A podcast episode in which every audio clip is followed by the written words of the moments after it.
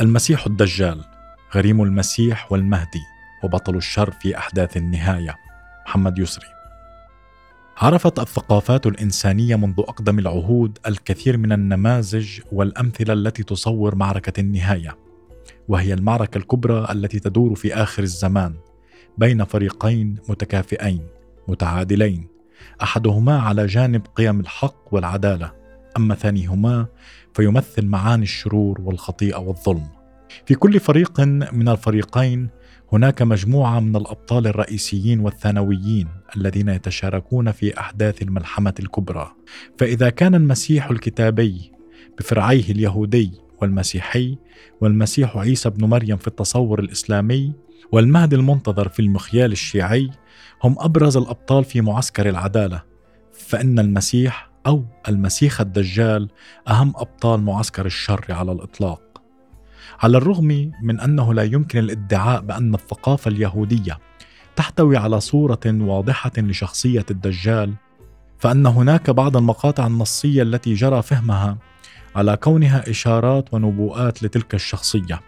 ومن ذلك ما ورد في سفر دانيال في العهد القديم عن شخص غامض يتكلم بكلام ضد العلي. ويبلي قديسي العلي ويظن أنه يغير الأوقات والسنة.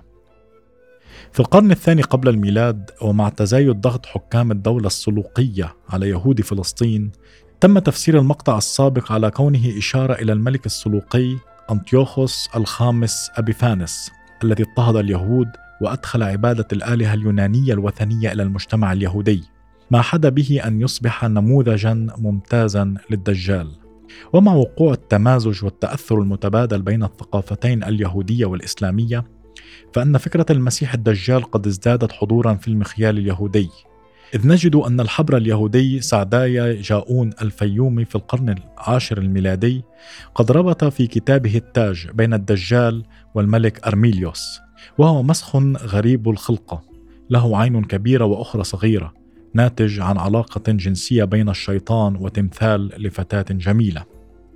بحسب ما يذكره سعدايا فإن أرميليوس سوف يتحالف مع المسيحيين ضد اليهود ويهاجم أورشليم ويقتل الكثير من سكانها بينما ستفر البقية الباقية منهم إلى الصحراء وسيندم على تقصيرهم وما اقترفوه من ذنوب حتى يظهر المسيح فيقودهم إلى أورشليم. ويقتل أرميليوس ويتحقق بذلك الوعد الإلهي تظهر فكرة المسيح الدجال في الثقافة المسيحية بشكل أكثر عمقا عنها في مثيلتها اليهودية. ففي رسائل يوحنا الواردة في العهد الجديد جرت الإشارة إلى أنتي كرايست وهو مصطلح غامض تمت ترجمته في التراث المسيحي بمعنى عدو المسيح في بعض الأحيان أو ضد المسيح في أحيان أخرى. العديد من علماء اللاهوت المسيحي اعتقدوا بأن عدو المسيح هو شخصية محددة وقد أشير إليه في العهد الجديد بأسماء أخرى ومنها على سبيل المثال التنين الوحش والنبي الكاذب بينما ذهب آخرون إلى أن جميع تلك الأسماء إنما قصد منها الإشارة إلى مخالفي منهج المسيح والهراطقة بشكل عام.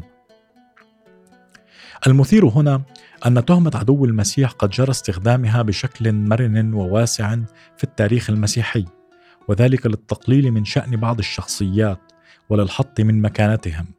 فعلى سبيل المثال اتهم أثنوسيوس بطريرك الإسكندرية خصمه آريوس بكونه عدو المسيح أثناء دفاع كل منهما عن وجهة نظره في المعتقد المسيحي القويم في مجمع نيقيا في 325 ميلادية. بينما اتهم كل من الامبراطورين الرومانيين كاليغولا ونيرون بالتهمة ذاتها بسبب اضطهادهم المستمر للمسيحيين. أيضا نستطيع أن نلاحظ أن الكثير من الرهبان ورجال الدين المسيحي في أوروبا وبلاد الشام قد وصفوا النبي محمد بهذا الوصف في مدوناتهم التي صنفوها في القرن السابع ميلادي إبان حركة التوسع العربي الإسلامي في الشرق الأدنى وفي السياق نفسه كان المصلح الألماني مارتن لوثر يروج في كتاباته التي دونها في القرن السادس عشر أن البابا الكاثوليكي هو عدو للمسيح بل وحتى في التاريخ المعاصر جرى اتهام رؤوس بعض الأنظمة السياسية التوتاليتارية بأنهم ضد المسيح كما هو الحال مع هتلر وموسوليني. تحظى شخصية المسيح الدجال بأهمية كبيرة في المخيال السني الجمعي. خصوصا فيما يتعلق بالأحداث المستقبلية التي جرى الاصطلاح على تسميتها بأحداث الفتن والملاحم. المصادر الإسلامية عملت على إيجاد تفسير منطقي لاسم المسيح الدجال، فقالت بأنه إنما سمي بالمسيح لأن عينه الواحدة ممسوحة. وقيل بل سمي مسيحا لأنه يمسح الأرض في أربعين يوما. أما الدجال فمعناها الكذاب، لأن الدجل هو التغطية على الشيء. من الكتب التي نقلت بعض أوصاف المسيح الدجال كل من فتح الباري لابن حجر العسقلاني والمنهاج في شرح صحيح مسلم للنووي والشريعة للآجري. ورد في تلك الكتب الكثير من الأحاديث المنسوبة للرسول والتي يذكر فيها أن المسيح الدجال هو رجل شاب أبيض به حمرة قصير القامة كثيف الشعر ضخم الجثة أعور وهو عقيم فلا ولد له ومكتوب بين عينيه كاف فاء راء أيضا أكدت تلك الروايات على الطابع الخوارقي الذي تتصف به أفعال الدجال فهو يأمر الشياطين فيساعدونه إذ يتمثلون بصورة بعض الأموات ويظهرون لمن يريد الدجال فتنته. واستكمالا لتلك السيرة الأسطورية يذكر شمس الدين الحنبلي في كتابه لوامع الأنوار البهية أن أم المسيح الدجال كانت جنية وقد عشقت أباه فولدت منه الدجال وأن النبي سليمان قبض عليه وحبسه بجزيرة في أحد البحار. في صحيح مسلم وهو واحد من أهم كتب الحديث عند المسلمين من أهل السنة والجماعة ورد ذكر المسيح الدجال في معرض الحديث الطويل المشهور بحديث الجساسة. ملخص هذا الحديث أن تميم الداري وكان مسيحيا تحول إلى الإسلام وصار معدودا من طبقة الصحابة. قد جاء إلى الرسول بالمدينة وأخبره أنه أبحر يوما ما مع ثلاثين رجلا وبعد شهر قذفتهم الأمواج إلى جزيرة غير معروفة. ولما نزلوا إليها قابلتهم دابة كثيفة الشعر تتكلم تسمى بالجساسة كما شاهدوا رجلا غريب الهيئة مقيدا بالحديد. وسألهم هذا الرجل عن أحوال بلاد العرب فلما أجابوه قال لهم إني أنا المسيح إني أوشك أن يؤذن لي في الخروج فأخرج فأسير في الأرض فأسير في الأرض فلا أدع قرية إلا هبطتها في أربعين ليلة غير مكة وطيبة فهما محرمتان علي كلتاهما. وعلى الرغم من شهرة وذيوع حديث الجساسة في العقل السني الجمعي وشهرة صورة الدجال المنبثقة عنه إلا أن المدونات الحديثية السنية تمدنا بصورة مختلفة عن تلك الصورة عندما تشير إلى أن المسيح الدجال هو عبد الله بن الصياد. فبحسب ما ورد في صحيحي البخاري ومسلم فأن الرسول لما هاجر من مكة إلى المدينة رأى صبيا صغيرا من اليهود فتشكك في أمره. وصار يسأله بعض الأسئلة لظنه أنه هو نفسه المسيح الدجال. وإذا كان ابن الصياد أسلم فيما بعد فأن الربط بينه وبين الدجال لم ينتهي إذ يحدثنا البخاري في صحيحه بأن عمر بن الخطاب كان يحلف على أن عبد الله بن الصياد هو الدجال وكان الرسول لا ينكر عليه هذا ولا يرد كلامه. ويروي مسلم أن ابن الصياد قد حزن من هذه التهمة لدرجة أنه قد فكر في الانتحار. إذ صرح أبي سعيد الخدري ذات يوم بما في نفسه فقال له لقد هممت أن آخذ حبلا فأعلقه بشجرة ثم أختنق مما يقول لي الناس. هذا الاتهام الملاحق لاسم عبد الله بن الصياد تم تعظيمه وتضخيمه بشكل أكبر بعد وقعة الحرة بالمدينة سنة 63 هجرية. إذ يذكر الصحابي جابر بن عبد الله أن ابن الصياد قد فقد بعد هذه الواقعة فلم يكن ممن نجا وفي الوقت ذاته لم يتم العثور على جثته بين القتلى وهو الأمر الذي فتح الباب على مصراعيه أمام الاتهامات والتأويلات التي تربط بين ابن الصياد والدجال إذ قيل إنه قد هرب واختبأ في مكان مجهول تمهيدا لخروجه فيما بعد وما ساهم في نشر تلك الفكرة أن بعض الأحاديث المنسوبة للرسول في مسند بن حنبل وسنن الترمذي قد أكدت على أن الدجال سيخرج من أصبهان الواقعة في بلاد فارس.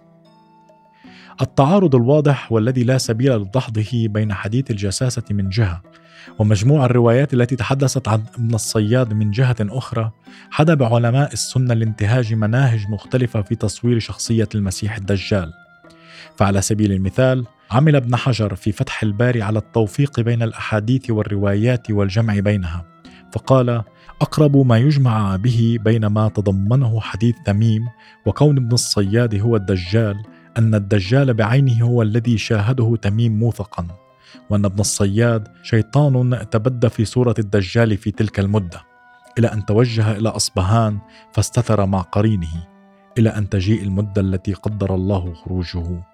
فيها.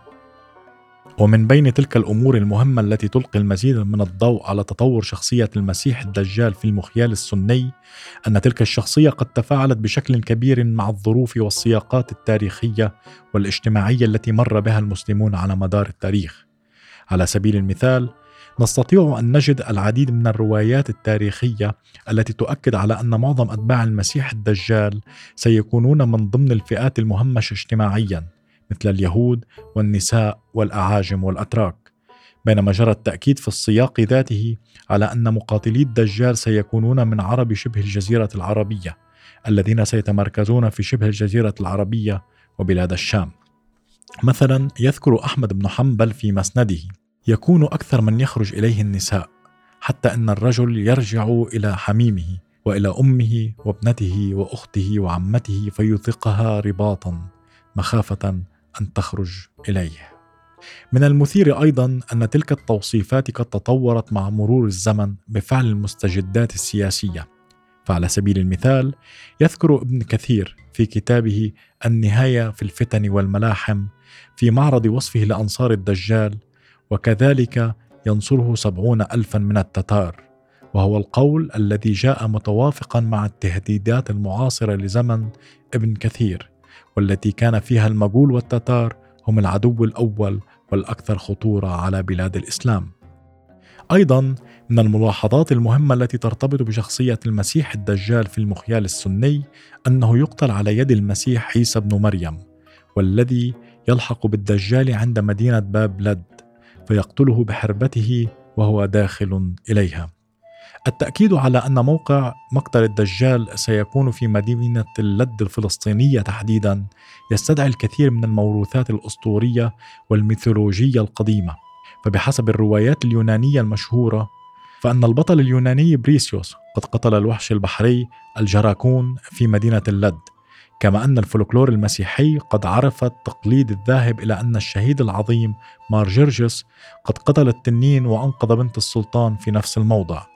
وهو الأمر الذي يلفت أنظارنا إلى أن مدينة اللد بفلسطين كانت تحظى بنوع من القداسة الروحانية منذ العصور القديمة بحيث جرى تصويرها في القصص والسرديات الدينية على كونها المكان الذي تتحقق فيه العدالة المطلقة إذ دائما ما يقتل فيه رمز الشر على يد البطل المخلص الذي يسعى لإنقاذ المؤمنين به. إذا كانت شخصية المسيح الدجال قد استأثرت بنصيب وافر من الاهتمام والتركيز في العقل السني الجمعي، فأن الأمر لم يسر على النحو نفسه في الثقافتين الشيعية والإباضية. فيما يخص النسق الشيعي الإمامي، فأن الروايات الواردة بخصوص المسيح الدجال عن أئمة آل البيت لم تشر إلى أي وجه من أوجه الخوارق أو الأعمال الخارجة عن العادة. بعض تلك الروايات أشار إلى الدجال باسم المشوه الأعرابي كما ورد في كتاب الكافي للكليني كما أن أغلبية تلك الروايات قد تحدثت عن أن الدجال هو الذي سيقود جيش الشر ضد الحكومة العالمية التي سيؤسسها الإمام محمد بن الحسن العسكري أو المهدي المنتظر بعد ظهوره من غيبته. بحسب ما يذكر الشيخ الصدوق في كتابه كمال الدين وإتمام النعمة فإن المهدي هو الذي سيقتل المسيح الدجال في اختلاف واضح عن السردية السنية التي تذهب إلى أن المسيح هو الذي سيقوم بذلك الأمر. أيضا وفي سياق تطويع الشخصية المتخيلة للدجال لتتناغم مع مبادئ وأصول المذهب الشيعي الإمامي فقد جرى التأكيد على أن الدجال سوف يقاتل الشيعة على وجه التحديد وأن معظم أنصاره سيكونون من النواصب الكارهين لآل البيت والمنكرين لحقهم في الإمامة والخلافة إذ ورد في كتاب الأمالي لمحمد بن الحسن الطوسي أن أبا ذر قد تعلق بحلقة باب الكعبة فقال سمعت رسول الله يقول من قاتلني في الأولى وقاتل أهل بيتي في الثانية فهو من شيعة الدجال إن المهم هنا أن نلاحظ أن العقل الشيعي لم يهتم كثيرا بالمسيح الدجال فلم يضعه في المرتبة الأولى على جانب الشر كما وقع في السردية السنية. بل إنه منحه مكانة ثانوية فرعية نوعا ما بينما منح المكانة المتقدمة لشخصية السفياني وهو البطل المضاد للمهدي المنتظر في أحداث النهاية. أما فيما يخص النظرة إلى المسيح الدجال في العقل الإباضي وهي النظرة التي توافقت بالأساس مع الاعتقاد بضرورة الثورة على الفساد والظلم في كل العصر وعدم انتظار المخلص وأحداث نهاية الزمان فقد جرى نفي شخصية الدجال. كما جرى نفي القول بنزول عيسى في آخر الزمان. وفي السياق نفسه تم نفي شخصية المهدي المنتظر. بحسب ما يذكر زكريا بن خليفة المحرمي في كتابه الإباضية تاريخ ومنهج ومبادئ فإنه من غير المعقول تصديق الروايات الخوارقية المرتبطة بالدجال لأن المعجزات إنما تكون للأنبياء للتأكيد على صدق رسالتهم وإثبات المعجزة للكذبة والدجالين. يطعن في رسالة كل الأنبياء فهم أيضا ربما يكونون كذبة ودجاجلة. من هنا فقد فسر علماء الإباضية أحاديث المسيح الدجال في سياق عمومي فضفاض بأنه كل فاسق يحارب الله بالمعاصي. واستندوا في ذلك إلى القول المنسوب إلى واحد من كبار العلماء الإباضية في القرن الرابع هجري وهو أبو حسن البسيوي والذي لما سئل عن الدجال قال كل الفسقة دجالة. فلا أدري الدجال الذي تصفونه. وذلك بحسب ما يذكر مهنا البوسعيدي في كتابه لباب الآثار.